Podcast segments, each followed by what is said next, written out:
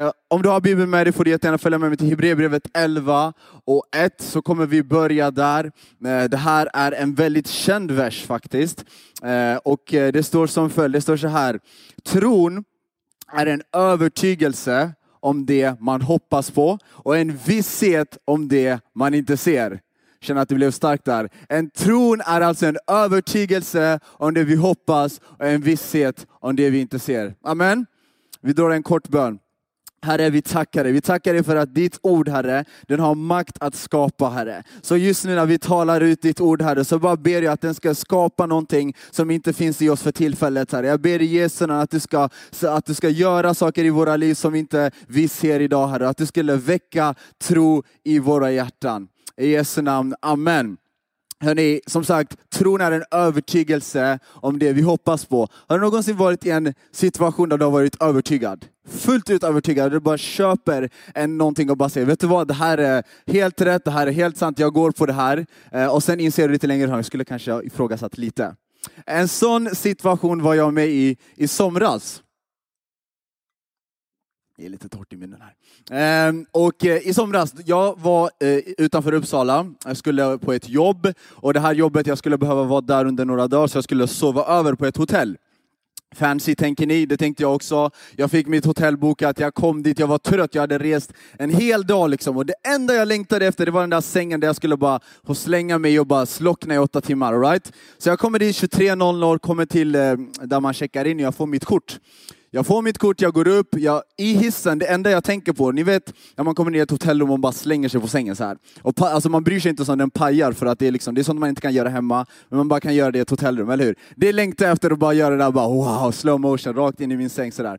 Och jag bara tänker på det, jag kommer till min dörr, jag ser att det är rätt, rätt siffra, jag checkar in mitt kort, och jag bara öppnar dörren, går rakt in och bara övertygad om att här ska jag vara, här ska jag spendera min natt. Det kommer vara helt fantastiskt. Jag slänger min väska på sängen lite snabbt och precis när, när den landar på, på sängen så ska jag ta sats och hoppa.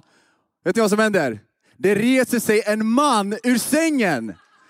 Oh my god! Alltså, jag har, jag har sett en annan skräckfilm i mina unga dagar, men det där, alltså, han bara reser sig, han bara Vad gör du? Och jag bara, alltså jag vet inte vad jag ska ta mig till. Och jag skriker, han skriker, jag skriker, han skriker, till slut får vi lugna ner varandra. Vi båda förstår, något har skett, såklart, kortet har blivit på något vänster så har jag blivit insläppt i ett rum där jag inte borde vara insläppt.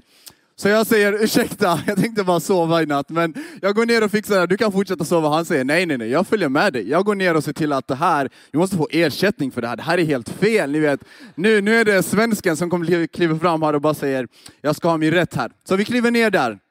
Vi kommer, vi berättar vad som händer, de blir helt chockade. De bara, jag har jobbat i hotell i 15 år, aldrig har varit med om något sådant. Jag bara, nej, precis. Så då får vi vår ersättning, jag får ett nytt kort, ett nytt rum. Och hon, eh, hon låter mig gå igen. Så jag går upp till det här nya rummet. Jag går in dit, jag kommer dit, jag eh, blippar, jag öppnar. Och vet ni, jag är så sjukt nervös. Alltså jag, jag är så här, jag, har- man har ju ändå hört och varit med om situationer där man känner så här, okej okej det där kan inte hända. Men det här var bara next level. Alltså hur i hela friden kan man vara insläppt i ett rum där någon redan ligger och sover? Det kunde ha varit vad som helst där. Ja, exakt. Vad som helst. Och tack och lov har Gud beskyddat mig från det. I alla fall, jag kliver in där. Jag är väldigt skeptisk fortfarande. Så jag tänder lampan, jag kliver in, jag tittar så att ingen ligger där. Okej, ingen låg där, vad bra. Eh, jag börjar göra mig i ordning, jag lägger ifrån mig min väska, vänder mig mot min säng och ska precis lägga mig. Och jag hör röst bakom min rygg. En mans röst. Och jag tänker, nu håller jag på att bli galen. Eller så är det här bara inte min dag. Jag har klivit in i ett nytt rum som inte är mitt. Jag vänder mig om och då är det tvn som har gått igång. Och då är det någon coronareporter som står och berättar om hur corona ligger till. Jag bara, jag pallar inte corona, jag stänger av den och bara går och lägger mig. Här ser vi en situation där jag var fullt övertygad över någonting, eller hur? Och i andra stunden så var jag så osäker att jag knappt vågade kliva in i rummet, eller hur? Och vi läste här, vad stod det? Tron är en övertygelse om det man hoppas på, eller hur? Så när du har, när du har fullt ut övertygad över någonting, när du inte ifrågasätter någonting, när du bara kliver rakt in i någonting utan att ha någon som helst frågetecken, det på det du hoppas på, det är vad tro är, eller hur? Okej, så om jag ska vara så övertygad över någonting, då är ju också frågan, vad är det där som jag ska vara övertygad över? Eller hur? Vad är det där hoppet som jag ska vara helt och fullt övertygad i? Det finns väldigt mycket i den här världen, i den tiden vi lever i, som försöker att locka oss att tänka, men hoppas på det här, hoppas på det där, eller hur? Det, det är mycket som drar i oss, det är kulturen som drar i oss, det är politiska ideologier som drar i oss, det är pengar och makt och popularitet och det ena efter det andra som vi kan lägga vår fokus på, som vi kan lägga vår, eh, vår hopp till, eller hur? Och, och jag menar, det, det, det, är någonting i oss idag 2020 som gör att vi måste hela tiden navigera i en värld där vi måste välja vår väg framåt, eller hur? Häromdagen så lyssnade jag på en podd eh, där Sebastian Staxet gästade, det heter Framgångspodden. Jag vet inte om du har hört den? Jättebra podd. Och Sebbe nämner en, eh, en statistik där som Socialstyrelsen gick ut med eh, förra året. Och de säger så här att Eh, den psykiska ohälsan i vårt land har ökat med, lyssna på det här, 100 procent de senaste tio åren. De gick ut och sa, det finns inget hopp. Och för att siffrorna verkar bara stiga härifrån. Och det är inte bara Socialstyrelsens diagram eller statistik som vi ska kolla på för att se på att det finns dåliga nyheter. Det räcker med att vi kollar på Gripande 2020 för att förstå att saker och ting inte riktigt ligger bra till, eller hur? Det räcker med att vi kollar på nyheterna så är det eh, orättvisa, så är det rasism, så är det eh, våld, så är det krig till höger och vänster som vi ser omkring oss, eller hur? Och någonstans så kan inte jag låta bli att undra, vad är det vi ska hoppas på egentligen? För hade det varit våra politiska ideologier och våra övertygelser och våra sätt att förstå saker och vår status som hade löst oss och gett oss ett hopp, då hade vi inte behövt dela med de här grejerna än idag, eller hur? Men någonstans så återstår frågan, vad är det som vi ska lägga vårt fokus på? Vi behöver, jag, jag kan inte låta bli att drömma mig bort till en till någonting som är fast, som är stadigt, som, som inte kan rubbas, som inte kan ändras. Amen. Och, och någonting stiger i mig just nu för att det finns en god nyhet för dig och mig, att det finns någonting som inte kan rubbas, som inte kan förändras, som inte är annat. Och det är nämligen Guds löften för dig och mig. Är du glad för Bibeln idag min vän? Det här talar liv in i din och min situation. Det här är någonting som inte kan rubbas. Det här är klippan som vi kan bygga våra liv på. Det här kan tala, det finns kraft i det här, visste du det? Det finns kraft att tala liv i döda situationer. Det finns kraft att dela på hav. Jag vet inte vad som är dött i ditt liv, men i det här så finns det liv som kan förvandla din situation. Och jag, det här vill jag tala till någon, jag känner det i min ande just nu. Jag vet inte vad som är dött i ditt liv. Det är mycket som är dött i, våra, i, i vår tid just nu. Och jag tror att det finns liv som vi kan få tag på i Guds ord. Och jag vet inte vad du brottas med, vad du känner, det här är kört, det här är slut. Men i det här, i Guds löfte, där finns det liv i din situation. Jag vill ta med dig till en eh, plats i Bibeln där vi ser det här äga rum. Där vi ser tre killar sätta sitt hopp på just det här som jag pratar om, Guds ord. Vill du vara snäll och följa med mig till Daniel 3 och 18? Vi ska kolla på de mest savage killarna jag någonsin har mött i Bibeln. Det är inga mindre än Sadrak, Mesak och Abednego. Kom igen, vilka namn, eller hur? Jag funderar nästan på att döpa mina barn dessa namn bara för att det är så coolt. De här tre killarna befinner sig i en kontext där eh, det är kaosigt. Det, det, är liksom, det är så stormigt i deras situation så det skriker om det. De är, Israel, de är från Israel de här killarna, med judiska människor. Och under den här tiden så är det ett rike som heter Babylon som har koll på läget, som, över, eh, vad heter det, som eh, övertar land efter land och rike efter rike. Och rätt vad det är så kommer då Babylon och övertar deras land. Israel, de bränner ner deras stad och tar varenda person som bor i det här området och gör dem till slav. Kungen som regerar under den här tiden, han heter Nebukadnessar. Jag vet inte riktigt om jag uttalar det, jag är inte så bra på att uttala saker. Men han heter Nebukadnessar och han är den som ser till att människor är förslavade under honom. Och de här killarna, det går ganska bra för dem. Det går ganska bra för dem, de blir till och med hans rådgivare. De går från att vara slav till att vara hans rådgivare, så de är ändå helt okej okay i den här ranking-skalan. Och den här, den här kungen, han känner så här, han bara, vet du vad? Jag har koll på det här. Jag är kung över det här stället, jag är bäst över det här stället. Så jag är inte bara kung, utan jag ska också vara en gud. Så han, han, han ser till att man bygger en staty på honom, en guldstaty som är 27 meter hög. Så här är det ingen lagom som äger upp plats, utan han går all in. Han är säkert en amerikan djupt och du vet, som bara tar ut allting. Men 27 meter hög snackar vi guld och 2,5 meter bred eh, staty av sig själv. All right? Så han ställer den mitt i staden och så säger han så här. Så fort ni hör musik spelas upp, då ska alla böja sig och tillbe mig. Och tillbe den här statyn som representerar mig. Så alla, som, alla i den här staden, så fort de hör musiken, så ska de ner på sina knän och tillbe den här guldstatyn. Vad är det han basically säger? Han säger så här, okej, okay, jag har koll på läget, jag vet vad som försiggår här. Jag är den som alla följer nu, så att lägg ditt hopp på mig, hoppas på mig, sätt din fokus på mig och vad den är som du tror på, om det är Guds ord eller Guds löften eller så, det där är gammalt, det är inte relevant längre. Det är jag som är hypen nu, det är jag som är den som allting kretsar runt. Så vad det än är som du har med dig, lägg undan det och tillbe mig. Det är det, det, är det han säger. Och de här killarna responderar här med någonting som är riktigt, riktigt bra. Vi läser ifrån eh, Daniel 3 eh, och vers 16. Det står så här. Då svarade Sadrak, Mesak och Abednego, kungen, eh, kungen. Åh Nebukadnessar, vi behöver inte svara dig på detta. Om det blir så är vår Gud som vi dyrkar, lyssna på det här, mäktig att befria oss ur den brinnande ugnen. Just det, det tillhör också till storyn att om man inte tillber honom så ska han slänga dig i en brinnande ugn. Det some serious stuff. Så du ska, det finns en konsekvens till att inte tillbe den här mannen. Och han säger så här, eh, eh att vår Gud är mäktig att befria oss i den brinnande ugnen och att, eh, och att han befriar oss från din hand.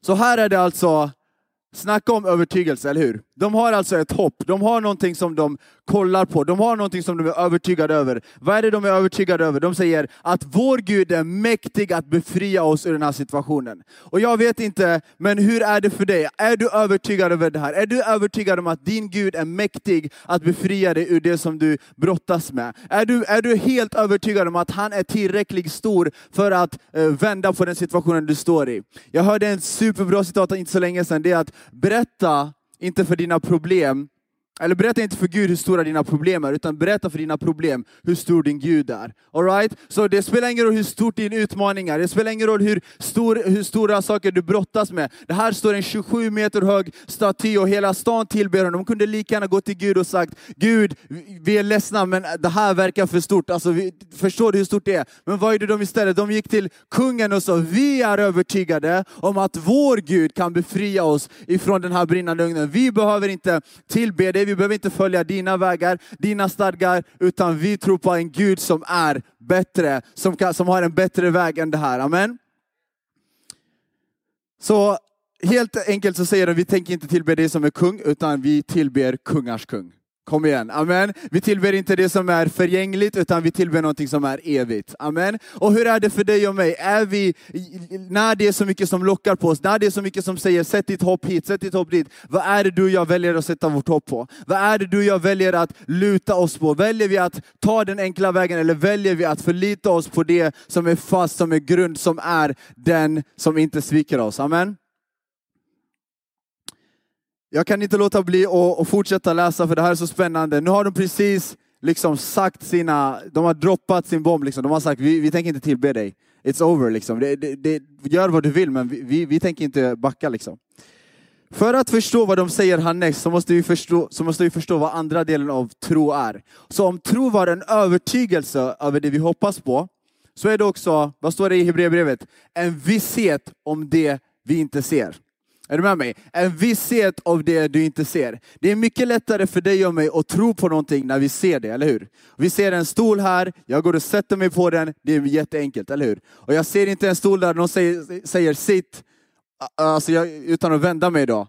Då kan inte jag, det finns en helt annan, liksom, jag kan inte riktigt ni vet, han har gjort den här Trust Challenge med, med, med en kompis och sen så har de typ släppt er, så han är lite traumatiserade. Det är jag. de har släppt mig, jag har ramlat och många gånger. Sådär. men, men det är så det är med, med tro. Vi måste ju någonstans förlita oss på någonting som vi inte ser, eller hur? Tänk dig att du kollar på din favoritlag spela en match. Daniel här, han spelar fotboll. Låt säga Sirius spelar en match, Danne. Ja? Och sen så ligger de under med 10-0. Alright? Mot Gävle. Sirius och Gävle möter varandra. Jättebra och de ligger under med 10-0, alright? Och då är frågan, det, det är 10 minuter kvar. Danne, hade du suttit kvar i matchen? Nej. trots vilken die hard fan han är, trots att han själv spelar i Sirius, han sitter inte kvar i matchen. Varför då? För att det ser inte bra ut, eller hur? Det står 10 gripande noll och det är 10 minuter kvar. Det kommer inte gå bra för oss. Det är kört. Jag kan lika gärna gå hem. All right? Men låt säga att Danne på något profetiskt sätt bara har fått se den här matchen innan. All right? Och han vet att på de resterande tio minuterna så kommer Sirius lyckas göra 11 mål. Danne! han vet om det här. Plötsligt är det helt tvärtom, eller hur? Han sitter kvar på matchen.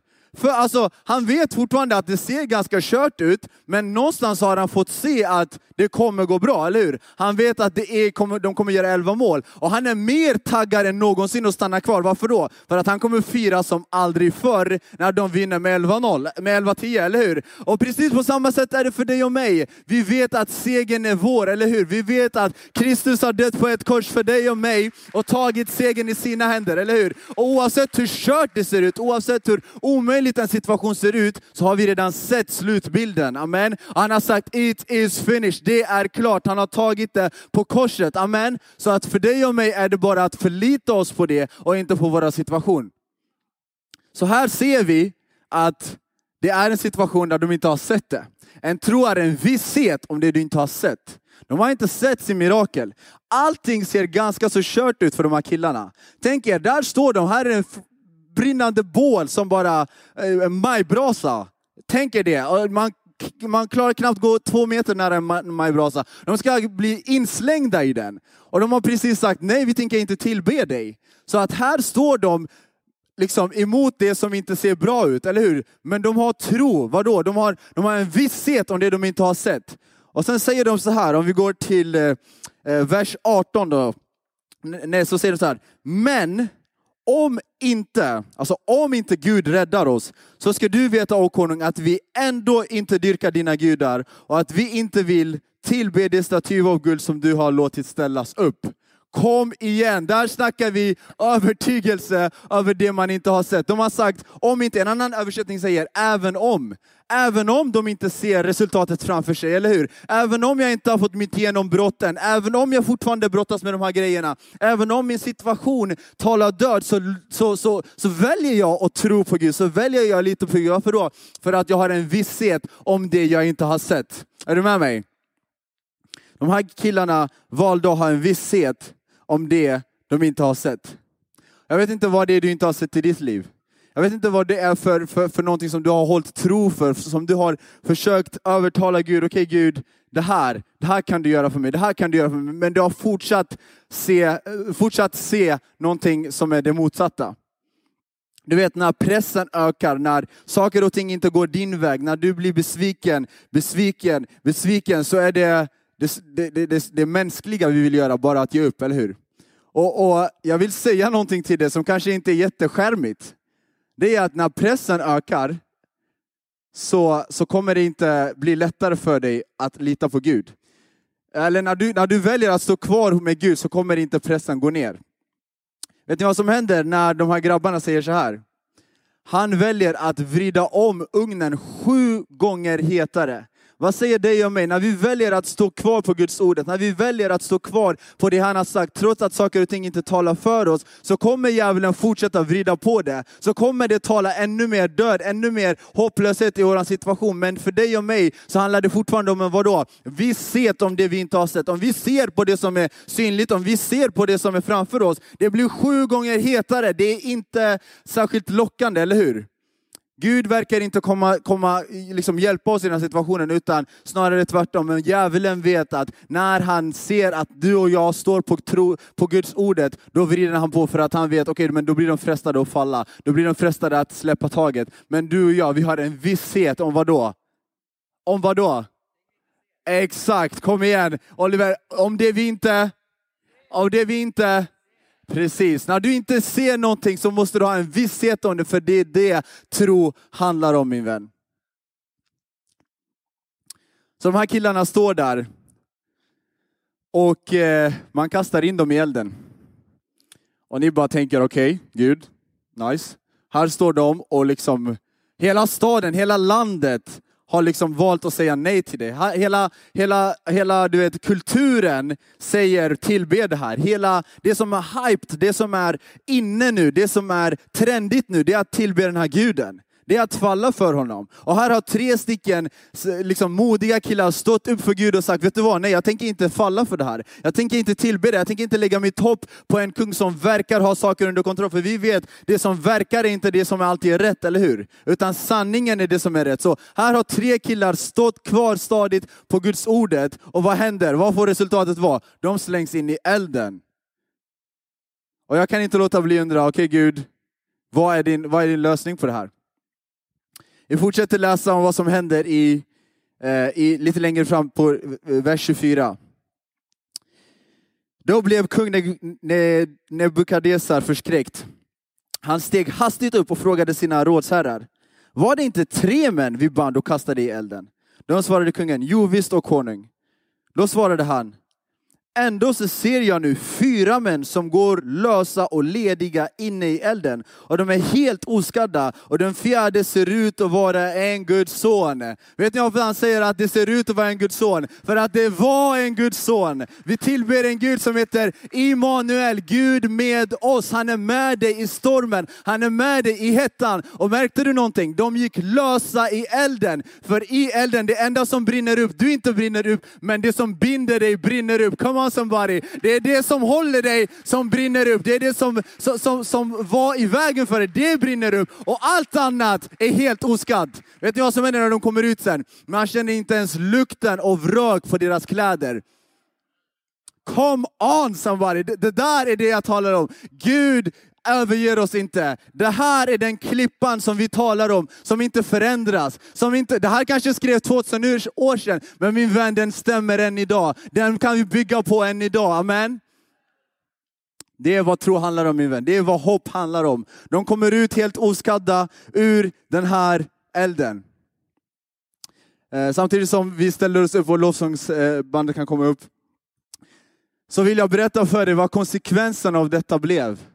Vad blev konsekvensen av att de här killarna kom ut helt oskadda och kungen såg vad som hände med dem? Det som händer är att kungen säger, vet du vad, jag tror inte att jag är Gud trots allt.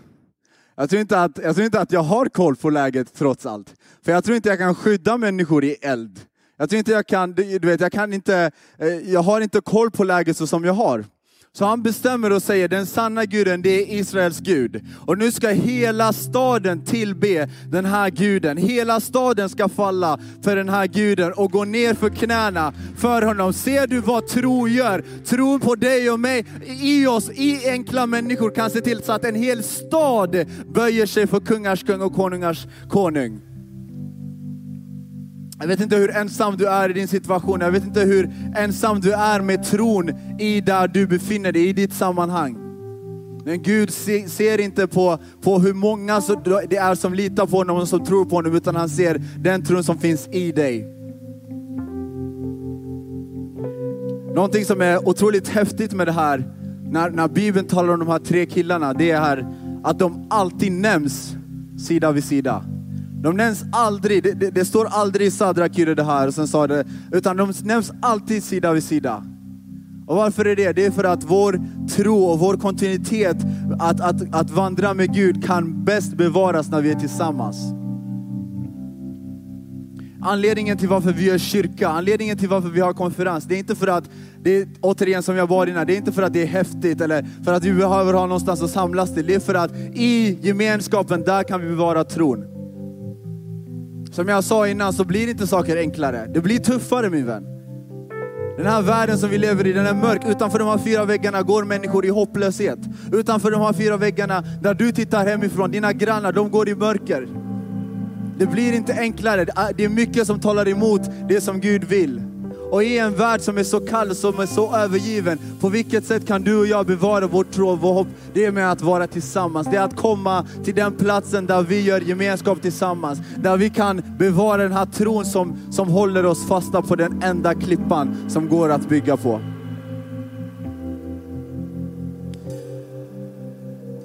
Vi kan böja våra huvuden.